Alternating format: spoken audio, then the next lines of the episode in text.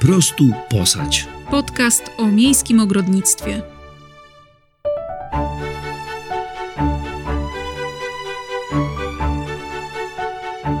Cześć, jestem Joanna.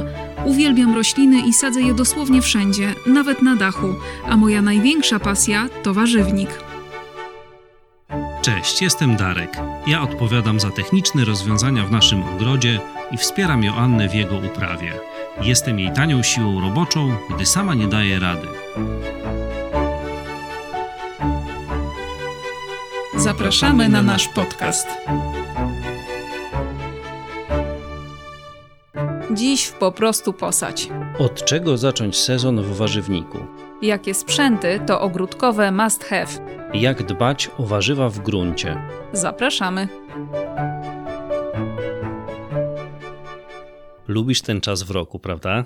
Bardzo lubię. To jest chyba taki moment, na który czekam całą zimę i może się wydawać, że dużo fajniejszy jest ten czas, kiedy już przychodzą zbiory i tak dalej. I oczywiście też go bardzo lubię.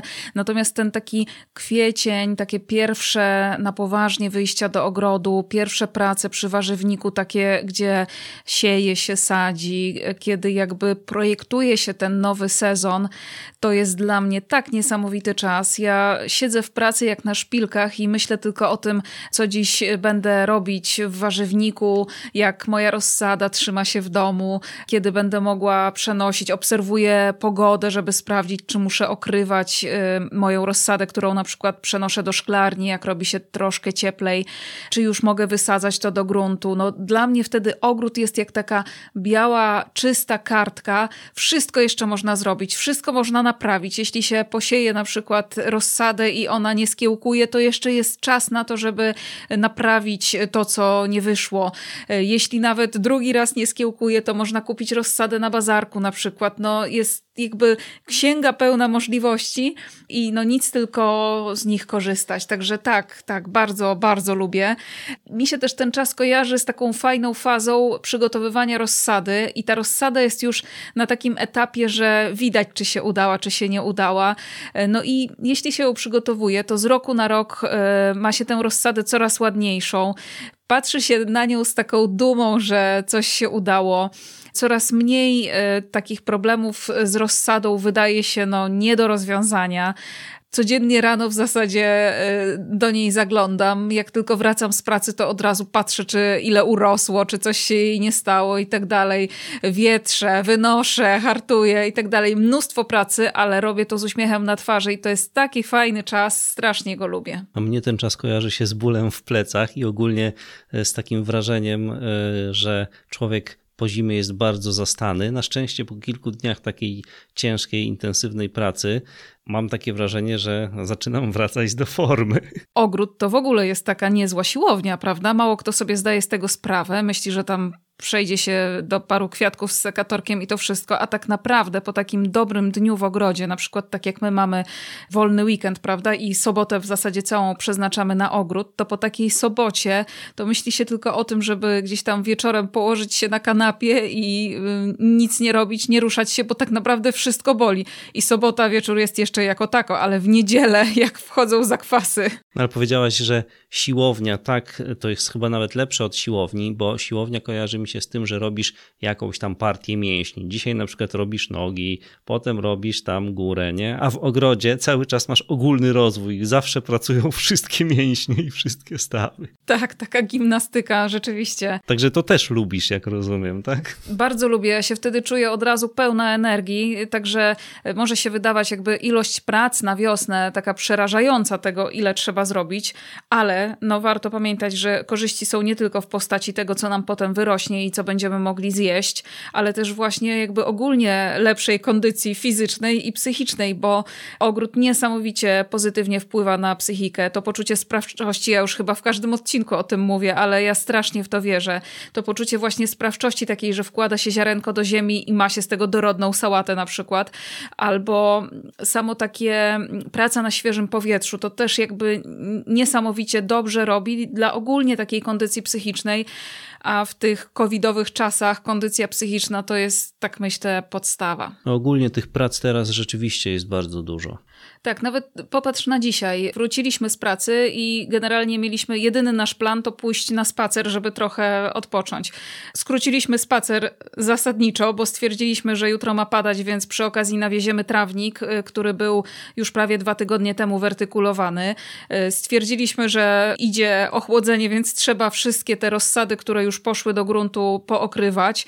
Y, no i jeszcze ja wchodzę na górę, patrzę, a tutaj moje pomidorki już chcą pić, bakłażany chcą pić, więc teraz jeszcze będę stała pewnie pół godziny i to całe towarzystwo podlewała. No jeszcze musisz się zaopiekować rozsadą, a szkoda, że Państwo tego nie widzą, że nie widzą Państwo naszego pokoju, w którym jest rozsada i ta rozsada jest wszędzie, są jej dosłownie tysiące może nie tysiące, ale w setki to już chyba pójdzie, bo samych pomidorów 48 e, odmian razy, no tak średnia myślę, że ze trzy sztuki, no to no już jest ponad setka, a do tego jeszcze mnóstwo bakłażanów i papryk, także myślę, że koło takich 300 doniczek tylko z pomidorami, bakłażanami i paprykami możemy w tej chwili mieć, a oczywiście to tylko jakaś tam namiastka tego, co całej rozsady, którą mamy. Na szczęście w zeszłą sobotę sporo tej rozsady poszło właśnie do gruntu, głównie takie te warzywa, które całkiem nieźle znoszą takie kilkustopniowe nawet temperatury. Może na przymrozki one jakoś tak szczególnie nie czekają, natomiast nawet gdyby się zdarzyło jakieś takie 0, minus 1, to powinny dać sobie radę okryte, bo ja je e, wszystkie dzisiaj pookrywałam. U nas wprawdzie już takich przymrozków na razie nie zapowiadają, natomiast temperatura ma być 1 stopień na plusie, więc to już dla mnie taka granica, której wolałabym, żeby gdyby coś tam się zdarzyło, to żeby moja rozsada nie przekraczała, więc wszystko pięknie dzisiaj pookrywałam. W gruncie mam już kalarepy, pakczoje, tatsoje, sałaty, cebulę cukrową, dymkę, posiałam groszek, posadziłam kapustę, nie wiem po co kolejny raz próbuję kapustę kapusta nigdy mi nie wychodzi, no ale bakłażany też mi kiedyś nie wychodziły i tak walczyłam o nie walczyłam i w końcu udało mi się znaleźć e, przyczynę, więc mam nadzieję, że znajdę też taką przyczynę, jeśli chodzi o kapustę. Jarmuże są też już e, w gruncie, no i w szklarni czekają jeszcze na wysadzenie selery, rozsada, którą sama siałam w tym roku po raz pierwszy w życiu i jest tak piękna, nigdy w życiu nie miałam takiej rozsady selera, także warto próbować. I por jeszcze też czeka. No i różnego rodzaju kwiatuszki, których troszkę się boję jeszcze e, do gruntu przesadzać, e, ale już powoli je hartuję, przyzwyczajam do takich bardziej chłodnych warunków i za jakiś czas pewnie będzie sobie właśnie cała ta rozsada, która jeszcze jest w doniczkach, szła do gruntu. Powoli też zaczynasz wysiewać i wysadzać warzywa do gruntu. Mamy około połowy kwietnia. Rozumiem, że to jest właśnie taki dobry termin. Tak, jakoś tak od lat właśnie mniej więcej w tych okolicach biorę się za wysiewanie warzyw do gruntu. Wiele rzeczy można już y, posiać wcześniej. Bób, groszek, y, rzodkiewkę. Oczywiście rzodkiewkę możemy siać już pod koniec marca. Tak naprawdę zejdzie śnieg, zaczyna trochę świecić słońce, ziemię podgrzewać i, i możemy siać rzodkiewkę, sadzić cebulę, dymkę. Ja rzodkiewkę już mniej więcej chyba ze dwa tygodnie temu posiałam szczaw, nie szczaw, tylko szpinak y, też posiałam. Natomiast z całą resztą czekam do tej połowy kwietnia, głównie z braku czasu. Natomiast jakoś tak zawsze mi wychodzi, że w połowie kwietnia zaczyna się już robić całkiem tak przyzwoicie ciepło i nawet jeśli zdarzają się jakieś takie dni z ochłodzeniem, to ogólnie taka temperatura średnia jest całkiem niezła i te rośliny już sobie nieźle też dają radę. I ja w tym czasie w zasadzie wysiewam już wszystko, co można wysiewać o tej y, porze roku, poza takimi warzywami ciepłolubnymi. Kukurydza, dynie, cukinie, ogórki, to są takie warzywa, z którymi jeszcze chwilę trzeba poczekać. Warzywa ciepłolubne, więc y, dopiero po tym, kiedy mija ryzyko przymrozków, można ruszać z ich wysiewem. Ja za chwilę o nich powiem troszkę więcej, dlatego że ja mam na nie troszkę inny sposób niż sianie do gruntu. Natomiast jeśli chodzi o to, co teraz idzie do gruntu, to przede wszystkim marchewka, pietruszka, koperek, e, wszystkie te takie warzywa jak buraczki na przykład, takie, które stanowią taki zasadniczy plon, ale też jakby wykorzystuje ten czas, kiedy jeszcze właśnie te warzywa ciepłolubne, które idą do gruntu właśnie po 15 maja, nie zajmują miejsca na grządkach i właśnie w to miejsce trafiają te warzywa, które są tak zwanym przedplonem, czyli właśnie szpinak, rzodkiewka i tak dalej. To, co y, można bardzo szybko zebrać, co bardzo szybko dojrzewa do y, zbiorów. Staram się mimo wszystko, mimo że te warzywa tak naprawdę potrzebują dosłownie kilku tygodni, żeby wydać plon, to staram się je jednak na obrzeżach y, grządek y, siać, tak żeby w razie gdybym nie zdążyła wszystkiego zebrać, to żebym miała jeszcze miejsce na posadzenie tego zasadniczego plonu. No i oczywiście, jeśli pamiętaliśmy jesienią o tym, żeby wysiać na przykład szpinak, y, czy sałatę, którą czy na grządkach, czy w szklarni trzymaliśmy, czy cebulę, taką dymkę specjalną, specjalne odmiany zimowe, no to powoli możemy się cieszyć ze zbiorów. Roszponka, rukola teraz pięknie zaczynają e, zielenieć, jest tych listków coraz więcej, różnego rodzaju musztardowce, te takie azjatyckie sałaty. To wszystko jest już takim czasem niezłych plonów. Jeśli komuś nie przemarzły jarmuże na przykład, niestety nam w tym roku wszystkie jarmuże przemarzły pierwszy raz od wielu lat, to oczywiście też e, teraz jest taki moment, kiedy można z tego dobrodziejstwa korzystać. Także nie dość, że siejemy, nie dość, że już rozsady zaczynamy przenosić do gruntu, to jeszcze czeka nas czas już zbiorów, takich pierwszych zbiorów tegorocznych. No i wspomniałam jeszcze o tych warzywach ciepłolubnych i o moim jakimś tajnym sposobie na nie. Sposób tak naprawdę wcale nie jest jakiś szczególnie tajny, ale ja z tych warzyw przygotowuję rozsadę. Czyli właśnie w okolicach 15 kwietnia, 20 kwietnia mniej więcej, w zależności od tego, kiedy mam czas, y, zaczynam te warzywa wysiewać w domu po to, żebym do gruntu po tym 15 maja, jak już mijają te wszystkie zimne zośki, zimni ogrodnicy i ryzyko przymrozków spada w zasadzie do zera, w przeciwieństwie do temperatury, to żeby te roślinki do gruntu już trafiały takie ładne, dorodne, żeby nam szybciej też wydawały plony. Cukinia, patison, w tym roku będziemy mieć melony, więc też już za chwilę zacznę przygotowywać z nich rozsadę. Y, szpinak malabarski, na przykład taka moja nowość tegoroczna, fasolnik. Ja bardzo lubię też przygotowywać rozsadę fasoli. To nie jest rzecz jakaś taka szczególnie popularna, bo fasola bardzo szybko kiełkuje w gruncie, ale jeśli mamy szansę troszkę ją przyspieszyć, to czemu by tego nie zrobić, prawda? E, więc ja też zawsze przygotowuję rozsadę fasoli. E, no i jeszcze ogóreczki. I z ogóreczkami mam bardzo często problem z tą rozsadą domową, dlatego że ona tak no, pół na pół kiełkuje. Dużo lepiej kiełkują ogórki w gruncie, przynajmniej u nas tak jest, takie mam wrażenie. Ale zawsze próbuję oczywiście gdzieś tam właśnie w okolicach 15-20 kwietnia wysiać ogórki i przenosić do gruntu już takie podrośnięte sadzonki. Trzeba pamiętać, że ogórek e, jest jednym z tych warzyw, które nie bardzo lubią przesadzanie. Dynie, cukinie zresztą podobnie, więc raczej sadzimy je już w takich docelowych, może nie docelowych, docelowych dla rozsady doniczkach, tak? Troszkę większych, niekoniecznie w takich tych wielodoniczkach, bo może poza ogórkiem, który z takiej wielodoniczki łatwiej wyjąć, to pozostałe te warzywa za chwilę zaczynają mieć ogromne liście i po prostu jest w nich e, im ciasno. Natomiast jeśli coś takiego zrobiliście i myślicie, ojejku, teraz nie będę mogła przenieść, czy nie będę mógł przenieść, bo te rośliny nie lubią e, przesadzania, to nie, absolutnie nie.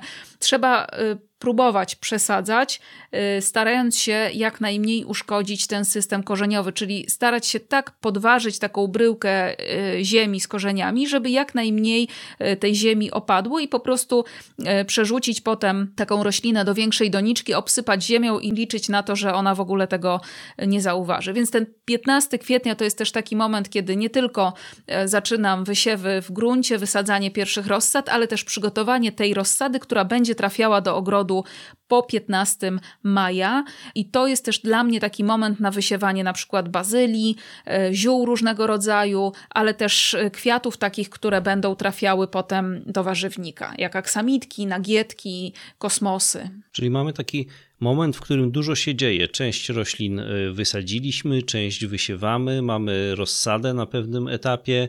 No i jak dbać o te rośliny, które już wysadziliśmy i jak teraz dbać o rozsadę? Ta rozsada, która jeszcze jest w domu, ale też bardzo często ta, którą trzymamy w szklarni, na tym etapie pewnie zaczyna już y, pokazywać, że y, jest trochę głodna. To oczywiście wszystko zależy od bardzo wielu czynników, od tego do jakiej ziemi na przykład przesadzaliśmy, kiedy przesadzaliśmy takie, nie wiem, bakłażany, pomidory czy papryki. Natomiast jeśli na przykład y, ostatnie pikowanie miało miejsce jakieś 2-3 tygodnie temu, to to jest dobry moment, żeby zacząć taką rozsadę nawozić.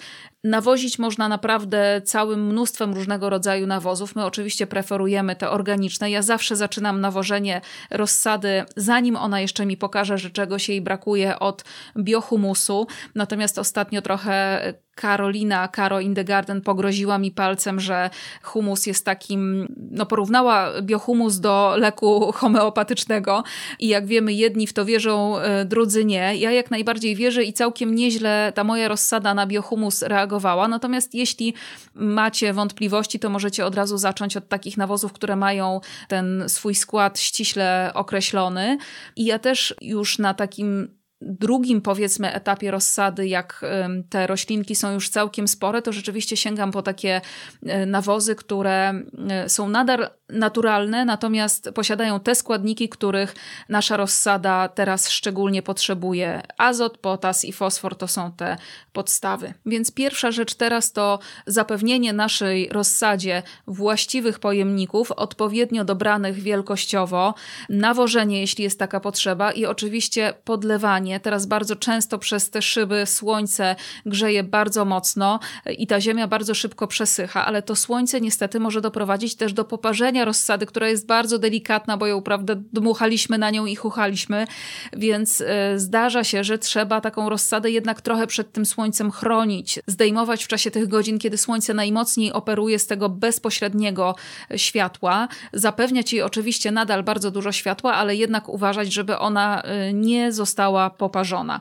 Poparzyć roślinę można też nawozem, dlatego absolutnie jeśli nawozicie, to nie można dawać tego nawozu większej dawki niż zaleca producent, a często nawet mówi się, że szczególnie przy takim pierwszym nawożeniu powinniśmy ten nawóz stosować nieco bardziej rozcieńczony, żeby y, sprawdzić, jak ta roślina na ten nawóz zareaguje, czy będzie go właśnie łatwo przyswajała, czy może będzie jakaś negatywna reakcja. Także nawozimy, obserwujemy.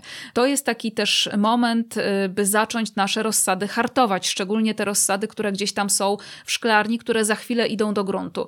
Ja nie śpieszę się z hartowaniem pomidorów, bakłażanów, papryk, bo to są takie warzywa, które do gruntu będą szły dopiero właśnie po 15 maja do szklarni, może troszkę wcześniej. I ja zawsze, e, w zależności od tego, jaka jest pogoda, staram się tak mniej więcej dwa tygodnie przed przeniesieniem takiej rośliny do e, szklarni czy do gruntu zaczynać ją hartować. Hartowanie polega na tym, że wynosimy mm, takie rośliny codziennie na dłuższy okres na zewnątrz, po to, żeby ona się do tych zewnętrznych roślin przyzwyczaiła.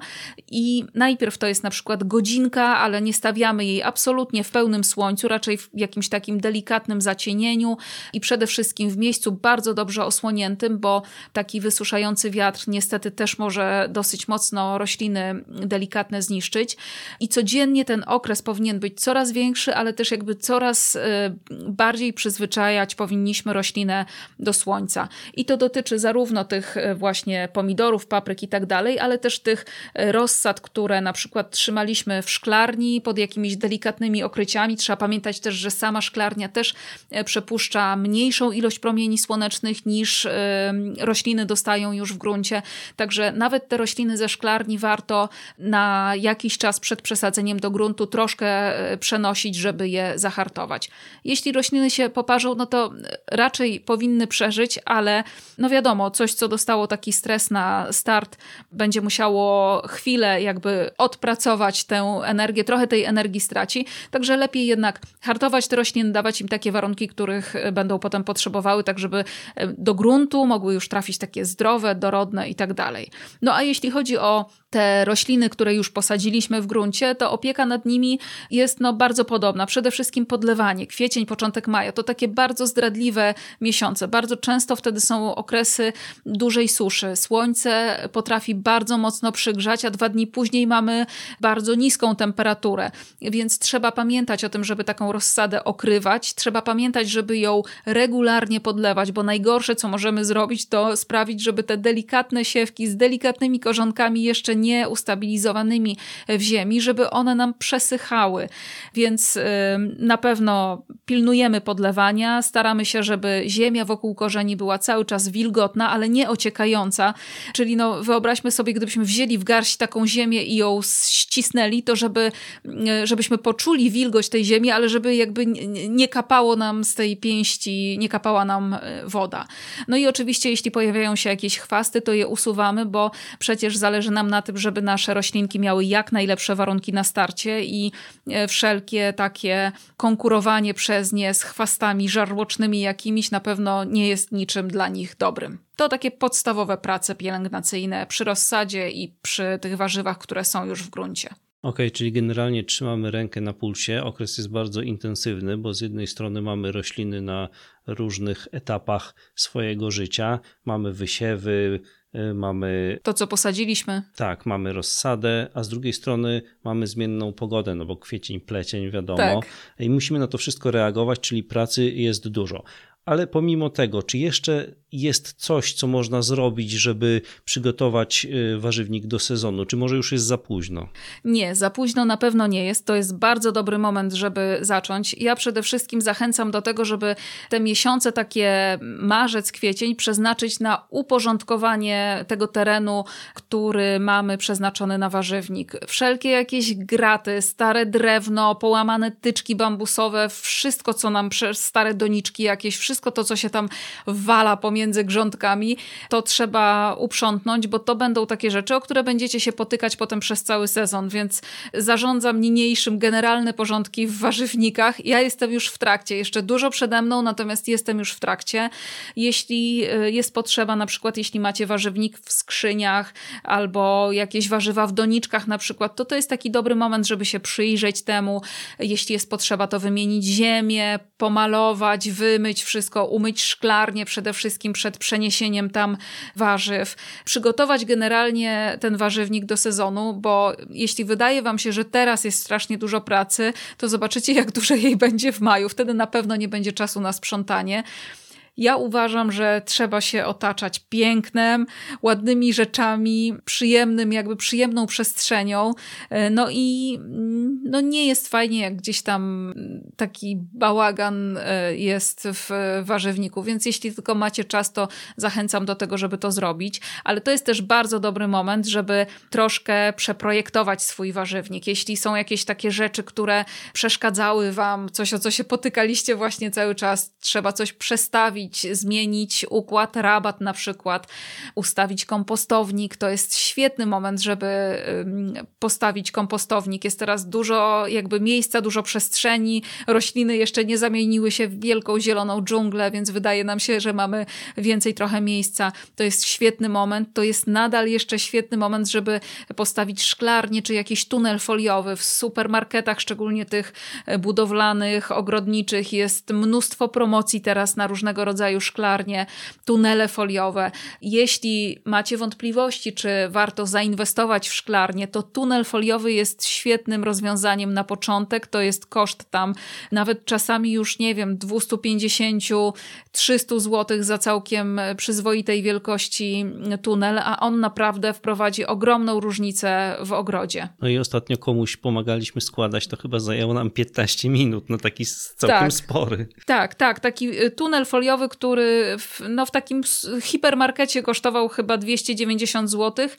2 na 3 metry chyba, no już całkiem y, sporo pomidorków na przykład można tam posadzić, także bardzo fajna rzecz. Nie jest to oczywiście jakaś super jakość, ale naprawdę myślę, że przynajmniej na 3-4 sezony powinien wystarczyć i całkiem nieźle e, się spisywać. To też chyba dobry moment, żeby założyć system nawadniania teraz, kiedy te grządki są puste i łatwo tam dotrzeć. Bardzo, bardzo dobry moment, żeby założyć system nawadniania. Zdecydowanie tak. Potem to już nie będzie takie łatwe. To jest też taki dobry moment, żeby dociągnąć wszelkiego rodzaju jakieś węże ogrodowe i tak dalej do warzywnika, ustawić beczki, w których będziecie zbierać deszczówkę. No chodzi o to, żeby tak trochę przygotować ten warzywnik do sezonu, żeby nam też łatwo się nim e, zajmowało. Przyznasz, że e, system e, nawadniania, taki kropelkowy jak mamy, już mówiliśmy o tym zresztą, całkowicie jakby zmienił nasze warzywnikowe życie, bo to jest ogromne ułatwienie, a jego montaż to jest prościzna, no tak naprawdę prościzna. Tak, mówimy o tym już któryś raz, ale chyba będziemy to powtarzać w kółko, bo rzeczywiście jest to duże ułatwienie i wydaje mi się, że co roku ten system rozwijamy, dodajemy kolejne linie, bo jest to po prostu bardzo duże ułatwienie, jeśli chodzi o podlewanie roślin. A tak naprawdę montaż jest dosyć łatwy, prawda? Co się kupuje? Te węże, tak? Te takie Kupuje linie? się ten zasadniczy wąż e, z który... Linią kroplującą, tak? Tak, to się chyba nazywa w ogóle linia kroplująca. Wygląda to jak prosty wąż ogrodowy, tylko co tam u nas akurat co 30 parę centymetrów jest takie specjalne urządzenie. Emiter chyba się nazywa. Jakoś ono się właśnie nazywa, które zapewnia, że e, to są takie specjalne dziurki i z nich równomiernie w odpowiedniej dla ilości roślin wydobywa się woda. Sączy się ta woda Sączy, w zasadzie, tak. prawda? Bo można Mhm. sobie wyobrazić, że jeśli ma się w e, takim wężu ogrodowym nawet malutki otworek, to ta woda będzie takim mocnym, cienkim, mocnym strumieniem tak strzelała. Absolutnie tak nie jest. Ona się tak delikatnie sączy, rozsącza po ziemi i to jest naprawdę super rozwiązanie. Do tego jakieś tam parę złączek tak naprawdę. Tak, do tego są jeszcze złączki, żeby to połączyć, skrzyżować i zaślepki, żeby w pewnym momencie skończyć taką odnogę linii kroplującej. No jeszcze taka, taki wąż, który nie ma tych e, dziurek, e, który jest, pozwala nam połączyć odcinki na przykład, które e, są pomiędzy, nie tak jak u nas są pomiędzy skrzyniami, prawda? To żeby tam nie kapała ta woda, to to jest taki odcinek takiego właśnie węża bez dziurek. No i w No zasadzie Tyle, prościzna. Y, Wystarczy tak naprawdę chwilę się zastanowić i wygląda to trochę jak składanie klocków Lego. A tu jeszcze tak przy okazji, bo mówimy o tym, że teraz jest dobry moment właśnie, żeby założyć to nawadnianie, bo grządki są puste, oczyszczone, stare rośliny, trawy wyniesione, to ja tutaj tak na marginesie chciałbym pozdrowić wszystkich panów, którzy po raz pierwszy po przerwie zimowej odbierają frakcję zieloną od ogrodników. Tak. Życzę powodzenia, bo widzę ile tego wszyscy powystawiali. Tak. U nas właśnie jutro jest pierwszy odbiór po zimie, także pozdrawiam serdecznie i przepraszam. Słuchajcie, u nas w, y, w, nasza uliczka wygląda y, jak taki wielki tunel y, zbudowany z worków na śmieci, te takie zielone odpady. U każdego sąsiada przed bramą tych worków myślę, że jest tak ze 30. To są takie ogromne worki, prawda? Takie, nie wiem, z metr mają wysokości, nie wiem ile tam litrów się mieści, ale naprawdę ogromne. U nas są akurat same worki, ale jeszcze u niektórych sąsiadów są takie odcięte jakieś gałęzie z przycinania krzewów drzew. Także myślę, że panowie będą tutaj podjeżdżać ze trzy razy na naszą ulicę, żeby zebrać wszystkie te zielone Do nas odpady. będą trzy razy podjeżdżać. Tak. No ale cóż zrobić? No, jeśli chodzi o inwestycje i rozwój infrastruktury w warzywniku, to wiosna to zdaje się, że jest też taki dobry moment na to, aby założyć kompostownik. Tak, kompostownik super sprawa, naprawdę. Nawet jeśli miałby służyć wyłącznie do tego, żeby tam odkładać jakieś tam zielone odpadki i nie podchodzić do tego tak w pełni profesjonalnie, to to już jest bardzo dużo. Jeśli nawet nie macie ochoty poznać zasad, jak zrobić dobry kompost, to nawet to, że będzie gdzieś jakaś zagroda, na którą, czy nawet pryzma, na którą będziecie zrzucać te odpadki zielone, jeśli czasami tylko przerzucicie je tam, może nie aż tak czasami, ale powiedzmy no, no co drugi raz jakąś tam tekturą, czy y, jakimiś delikatnymi gałązkami, y, suchą trawą, na przykład sianem, słomą i tak dalej, czymś, co będzie dawało tą taką frakcję suchą do kompostownika, to uwierzcie mi, że w ciągu, no nie wiem, maksymalnie dwóch sezonów dostaniecie tak niesamowity materiał do wykorzystania w ogrodzie, że to jest y, żadna inwestycja tak naprawdę, bo kompostownik można zrobić ze starych desek, można nawet niczym go nie obudowywać, tylko zrobić właśnie taką pryzmę na ziemi, jeśli macie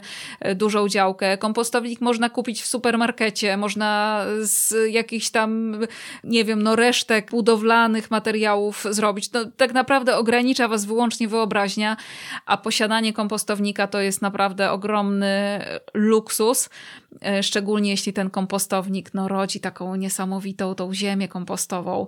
My chyba musimy przyznać, że jesteśmy trochę nogi, jeśli chodzi o dobry kompost, prawda? No tak, ale to dlatego, że nie bardzo mamy miejsce na kompostownik. A kompostownik to jeszcze dla mnie coś takiego, no może przesadzę, ale trochę magicznego, no bo zamiast wyrzucać i dodawać pracy wspomnianym panom jeszcze więcej, Tak. którzy wywożą frakcję zieloną, to z odpadu robimy coś bardzo, bardzo wartościowego. To jest tak jakby zgodne z całą tą Tak, tak. ideą. Tak, tego ogrodu takiego bliskiego naturze, choć, Tak, tak. e, Mhm. choć my, my naprawdę staramy się e, nie używać chemii i być naprawdę blisko natury, ale są od nas naprawdę o wiele, wiele lepsi i na przykład polecam profil My Way of Gardening. Niesamowite, po prostu ci ludzie są tak blisko każdej roślinki, tak blisko ziemi. Wydali też y, niesamowitą y, książkę, także jeśli macie ochotę tam zajrzeć, to, to taki ogród blisko natury, warzywnik, no, no ogród warzywny, my mamy warzywnik, oni mają naprawdę niesamowity, piękny ogród, to to jest takie miejsce naprawdę mm, bardzo fajne. A jeśli chodzi o nasz kompostownik, ja trochę tak mówię, że my może nie robimy tego aż tak e, fajnie, natomiast e, tak naprawdę 99 chyba procent odpadków takich kuchennych, zielonych trafia na kompostownik. Skorupki jajek, fusy z kawy, po prostu całe mnóstwo tego, co można przetworzyć, to trafia na kompostownik. Tak, w ogóle teraz od niedawna e, zmieniają się co jakiś czas te przepisy odnośnie wyrzucania odpadów i teraz jest nacisk na to, żeby coraz większe e, pojemniki mieszkańcy mieli po to, żeby wyrzucać te takie odpady kuchenne. A u nas ten wielki pojemnik, który nam miasto dostarczyło na odpady, właśnie te takie kuchenne, on jest prawie zawsze pusty z uwagi na to, że prawie wszystko da się skompostować i my to rzeczywiście wyrzucamy na kompost. Tak, i tak swoją drogą nasz kompostownik ma chyba metr na metr. Więcej się nie zmieściło, ale on połyka niesamowite ilości tych takich odpadków, prawda? Przecież w sezonie też trafia do niego mnóstwo takich odpadków zielonych, czasami nawet trawę, jeśli uda mi się gdzieś tam troszkę podsuszyć, to, to tam wrzucam. I to jest no, niesamowite, ile on y, połyka. A w zasadzie wybierałam z niego kompost w zeszłym roku po raz y, pierwszy, po całym jednym sezonie takim. No minus jest taki, że ja też nie bardzo pilnuję podlewania, mamy tam jeszcze trochę mało robaczków, bo ten kompostownik był y, taki świeży, ale już widzę jak rozgrzebałam za którymś razem y, troszkę y, tego, co tam jest naskładane, że było mnóstwo dżdżownic, różnego rodzaju takich robaczków, które jakieś takie stare drewno przegryzają i tak dalej. Także y, coś tam się zaczyna dziać. E, Niestety popełniliśmy taki błąd, że postawiliśmy ten kompostownik też na takim miejscu, gdzie pod spodem jest beton, więc tym robaczkom też trochę trudniej było się tam dostać. No ale jakoś się tam dostały i powoli zaczynają przejmować teren, także e, bardzo się cieszę. Myślę, żeby jakoś im jeszcze w tym roku pomóc. To jest taki temat, którym miałam się zająć. Nie bardzo e, znalazłam czas, żeby się nad nim pochylić, ale na pewno będę chciała. Fajnie by było, gdybyśmy mieli drugą komorę, bo moglibyśmy troszkę przerzucać ten kompost i go napowietrzać. No ale nie mamy, a mimo wszystko widzę ogromne korzyści z tego kompostownika, więc jeśli macie metr na metr, to to już wystarczy, a jeśli macie trochę więcej, to będzie już naprawdę super. No i jeszcze jedna magiczna rzecz odnośnie kompostowników. Nie trzeba go zasilać prądem, nie pali benzyny. Po prostu wrzucasz odpady, wyjmujesz wartościowy produkt. Wszystko robi się samo. No, albo te robaczki. Tak, raczej robaczki właśnie, dokładnie. No okej, czyli rozwijamy infrastrukturę, kompostowniki, szklarnie, nawadnianie, dbamy o rośliny, wysiewamy, wysadzamy, mamy rozsadę. Tak, y, to jest też taki bardzo dobry moment, żeby przyjrzeć się różnego rodzaju sprzętom, które mamy gdzieś tam pochowane w budynkach gospodarczych czy w garażu, y, zobaczyć, y, czy wszystko jest sprawne, czy niesprawne. Mamy zwykle taką tendencję, że jak tam urwie się trzonek, to nadal jakoś tam prowizorycznie go sklejamy i, i działa. No to to jest taki dobry moment, żeby ten trzonek wymienić albo wymienić łopatkę, bo są takie sprzęty, które po prostu bardzo mocno się przydają cały czas. Ja proponuję też zebrać wszystkie narzędzia tnące, sekatory, większe, mniejsze i je po prostu porządnie naostrzyć, podokręcać. Tak, naoliwić yy, i tak dalej. To wszystko na pewno się przydaje. Sekator, taka mała łopatka, małe pazurki, yy, szpadel, łopata, grabie, yy, gracka. To są takie rzeczy, które bardzo się zawsze przydają. Taczka, już mówiliśmy kiedyś. Tak, napompować koło od taczki. Napompować koło od taczki, właśnie, to jest świetny moment. Już możecie zacząć gromadzić deszczówkę, bo potem może być jej trochę mało. To jest świetne, e, świetny moment, żeby zacząć to robić, rozstawić w ogrodzie przy rynnach wielkie beczki. Już teraz gdzieś tam można, nawet nie wiem, na złomie poszukać takich beczek, oczywiście sprawdzać, czy przypadkiem nie są to beczki po jakichś chemikaliach, ale bardzo często przy lokalnych browarach na przykład e, są takie wielkie beczki, które można gdzieś tam tanio odkupić, albo właśnie na składach złomu Beczki nie po chemikaliach, które można bardzo łatwo przerobić właśnie na, na takie zbiorniki na deszczówkę. Jeśli nawet nie macie, tak jak w naszym przypadku, mamy rynny schowane w ociepleniu, więc nie mamy nawet jak się do takiej rynny dobrać, ale y, staram się przynajmniej przy szklarni stawiać zawsze wielką beczkę, do której nalewam wody, żeby ta woda się podgrzewała i żeby rośliny potem y, można było podlewać taką ogrzaną trochę wodą, a nie taką prosto z kranu. I naprawdę, mm, jeśli jeszcze tego nie zrobiliście, to bardzo Wam polecam, żeby zainwestować w e, wąż ogrodowy, nie taki, który będziecie za każdym razem rozkładać przy e, podlewaniu, tylko taki, który będzie cały czas leżał w tym samym miejscu i który w każdej chwili będziecie mogli odkręcić i zacząć podlewać warzywnik. Nie taki, który będzie wymagał od Was 15 minut rozkładania, składania przy każdym koszeniu i tak dalej, tylko e, gdzieś tam przy ogrodzeniu, w takim miejscu, gdzie nie przeszkadza, żeby on był zawsze pod ręką. A propos beczki pozyskanej z browaru, to można też pozyskać pełną, opróżnić i później mieć już do celów podlewania. Obawiam się, że w tych beczkach to jakiś słód przewożą, wiesz. Aha, no dobra.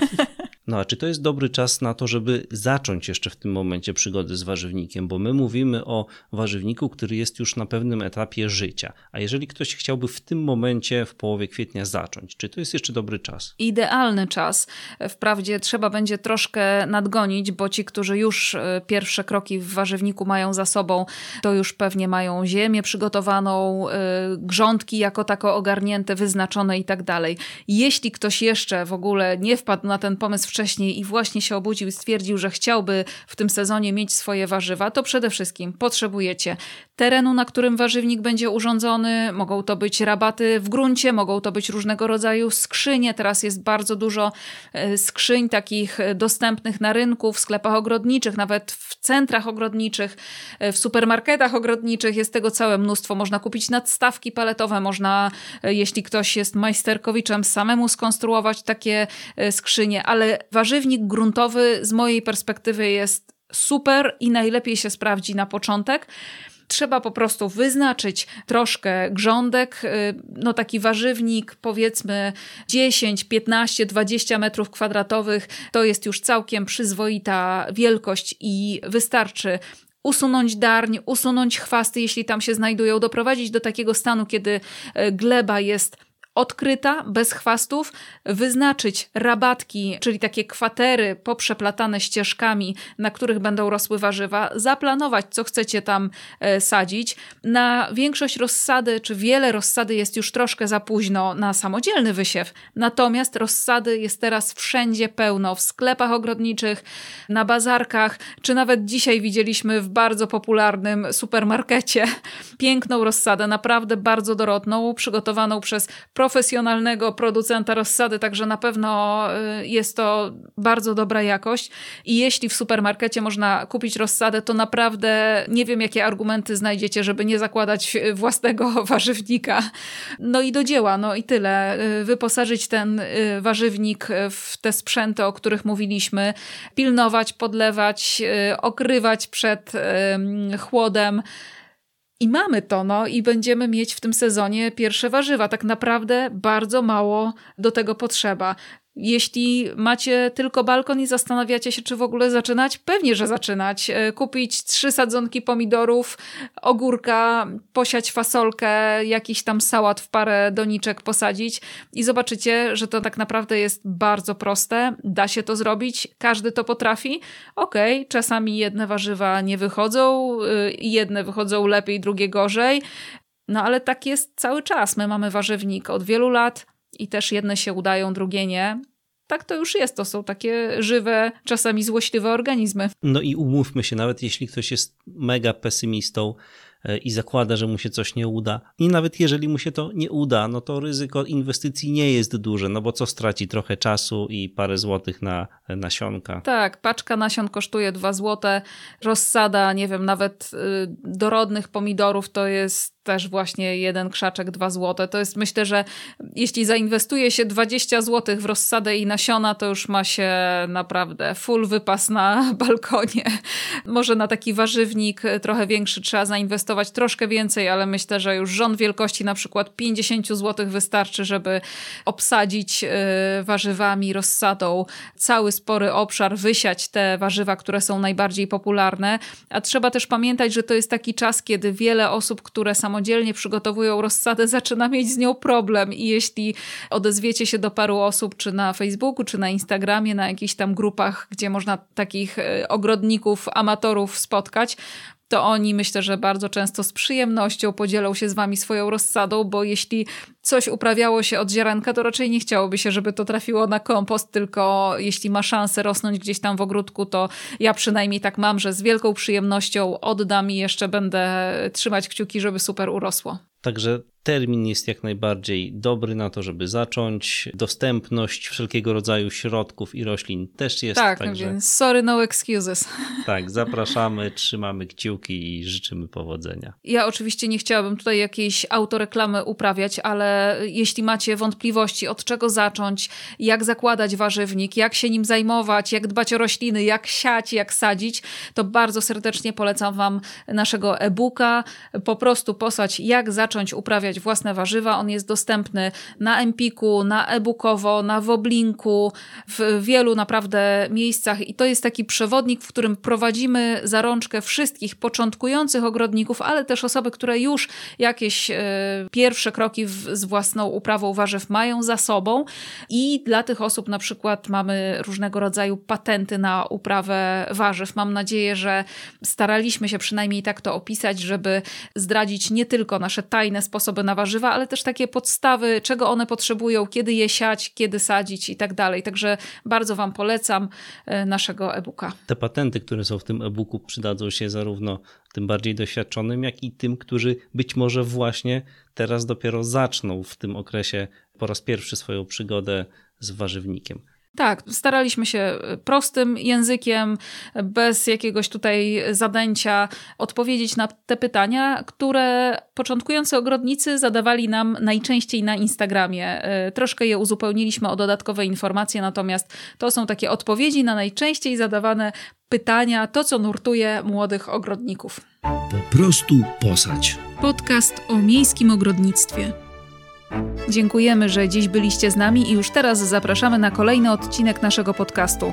Za tydzień opowiemy o tym, co zrobić, by warzywnik był ładny, a naszym gościem będzie Marysia z instagramowego profilu Flora z Pola. Premiera odcinka tradycyjnie w piątek o 17. Zapraszamy także na naszego bloga po prostu posać.pl, gdzie znajdziecie wiele praktycznych porad o uprawie ogrodu i warzywnika.